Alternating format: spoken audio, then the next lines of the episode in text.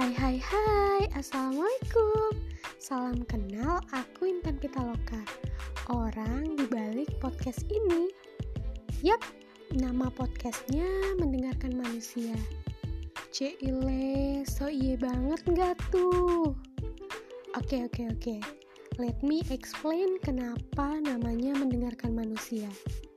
Hmm, alasannya agak klasik sih tapi ya mau gimana lagi, emang itu alasannya. Oke, alasannya karena dengan mendengarkan kita bisa mempelajari banyak hal dan juga bisa belajar untuk mengerti orang lain. Tenang, podcast ini nggak sekaku kayak lagi belajar di kelas kok. So, have fun ya. Enjoy the class.